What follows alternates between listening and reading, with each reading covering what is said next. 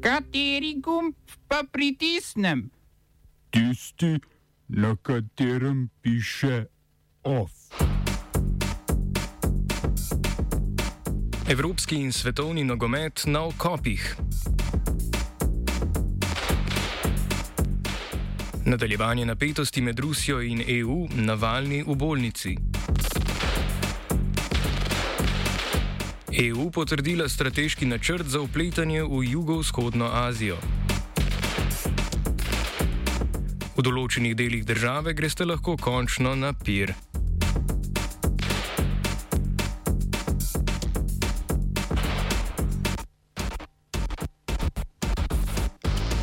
Evropski in svetovni nogomet je v zadnjih 24 urah doživel dogodke, ki si za spremembo zaslužijo rabo obrambljenih in običajno brezpomenskih novinarskih izrazov, kot sta pretres in tektonski premik. 12 izmed najprestižnejših in najbogatejših klubov, med katerimi sta naprimer Real Madrid in Barcelona, ter angliški velikani Liverpool, Manchester in Chelsea, je ustanovilo svoje tekmovanje Super Ligo. Ustanovitvi tekmovanja, ki smo jo sicer pričakovali že nekaj časa, je ostro nasprotovala Evropska nogometna federacija UEFA in vse Evropske nacionalne lige. Skupaj s Svetovno nogometno organizacijo FIFA so že napovedali hude ukrepe proti sedelujočim klubom.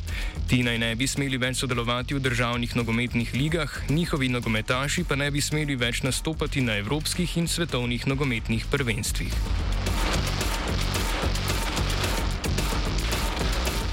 Glavni razlog za ustanovitev nove lige je želja velikih klubov, da bi dobili večji delež potice sponzorskih sredstev in denarja od televizijskih prenosov. UEFA je sicer prav za danes napovedala uradno napoved prenove lige prvakov, ki naj bi naslovila te zahteve večjih klubov. A ponudba očitno ni zadovoljila dela klubov, predvsem tistih, ki jih pestijo resne težave z dolgovi. Poleg večjega deleža zaslužkov je Superligo namreč podprlo več mednarodnih investitorjev, predvsem ameriški JP Morgan.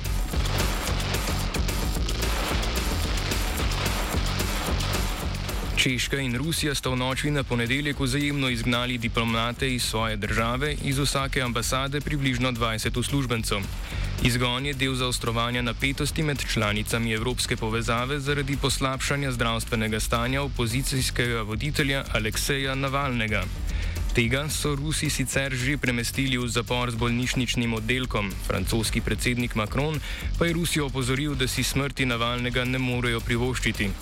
Veliko boljše odnose pa imata Rusija in Belorusija, saj naj bi tako Putin kot beloruski predsednik Lukašenko v kratkem predstavila načrt združevanja na določenih področjih, kot sta skupni trg in skupna energetska politika. Vrh Evropske unije je potrdil strateški načrt za večje politične in finančne investicije v jugovzhodno Azijo. V dokumentu, ki je zrasel na zelniku Francije, Nemčije in Nizozemske, so se države EU zavezale k intenzivnejši promociji vrednot EU, kot so človekove pravice in demokracija v regiji, in k krepitvi strateških partnerstv z državami, kot so Indija, Japonska in Avstralija. Vsi, ki smo v zadnjih desetletjih vsaj malo spremljali mednarodno politiko, točno vemo, kaj te besede pomenijo. A cilj dokumenta naj bo, da ne bi bilo omejevanje vpliva Kitajske v regiji. Poleg omenjenega dokumenta se namreč države EU še vedno dogovarjajo za podpis investicijskega sporazuma z Ljudsko republiko, ki je bil načeloma dogovorjen konec lanskega leta.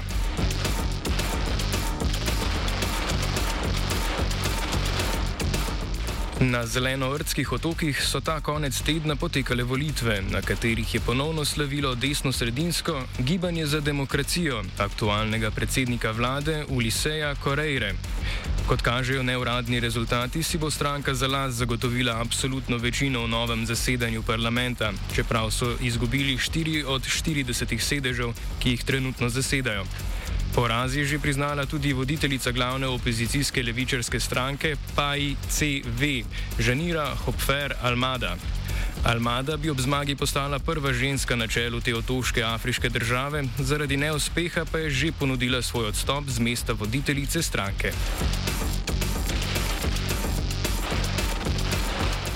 Policija v Bangladešu je aretirala več kot 300 pripadnikov različnih muslimanskih gibanj in političnih strank, ki naj bi bili odgovorni za val nasilja in protestov, ki jih je prejšnji teden sprožil obisk indijskega voditelja Narendra Modija v Bangladešu.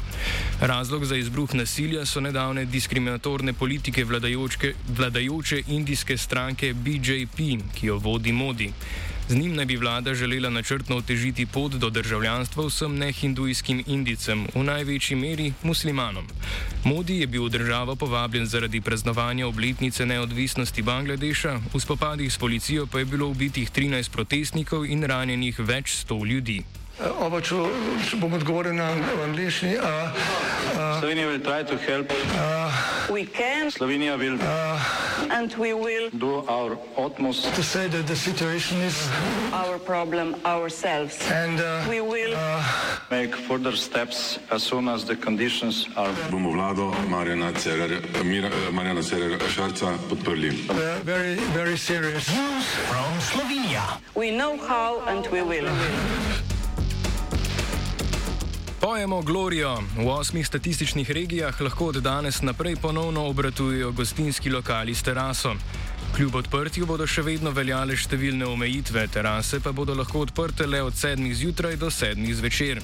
Kljub odprtju se številni gostinci niso odločili za zagon strežbe, saj ob slabem vremenu in drugih omejitvah ne pričakujejo zadosti gostov za dobičkonosen promet.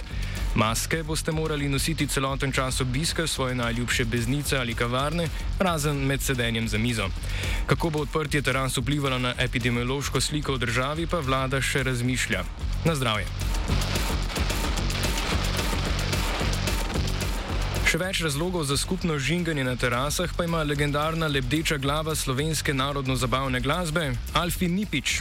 V občini Pesnica bodo namreč uredili hišo štajerske glasbe, katere glavna tema bodo ravno dosežki in viže, ki jih je slovenskemu narodu podelil Alfi. Muzej bo urejen v nekdanjem šolskem poslopju v Jarenini, blizu Farne cerkve, v katerem je bil med drugim posnet tudi film Moj Ata, socialistični kulak. Občina načrtuje, da bo za 150 tisoč evrov težek projekt pridobila tudi izdatna evropska sredstva.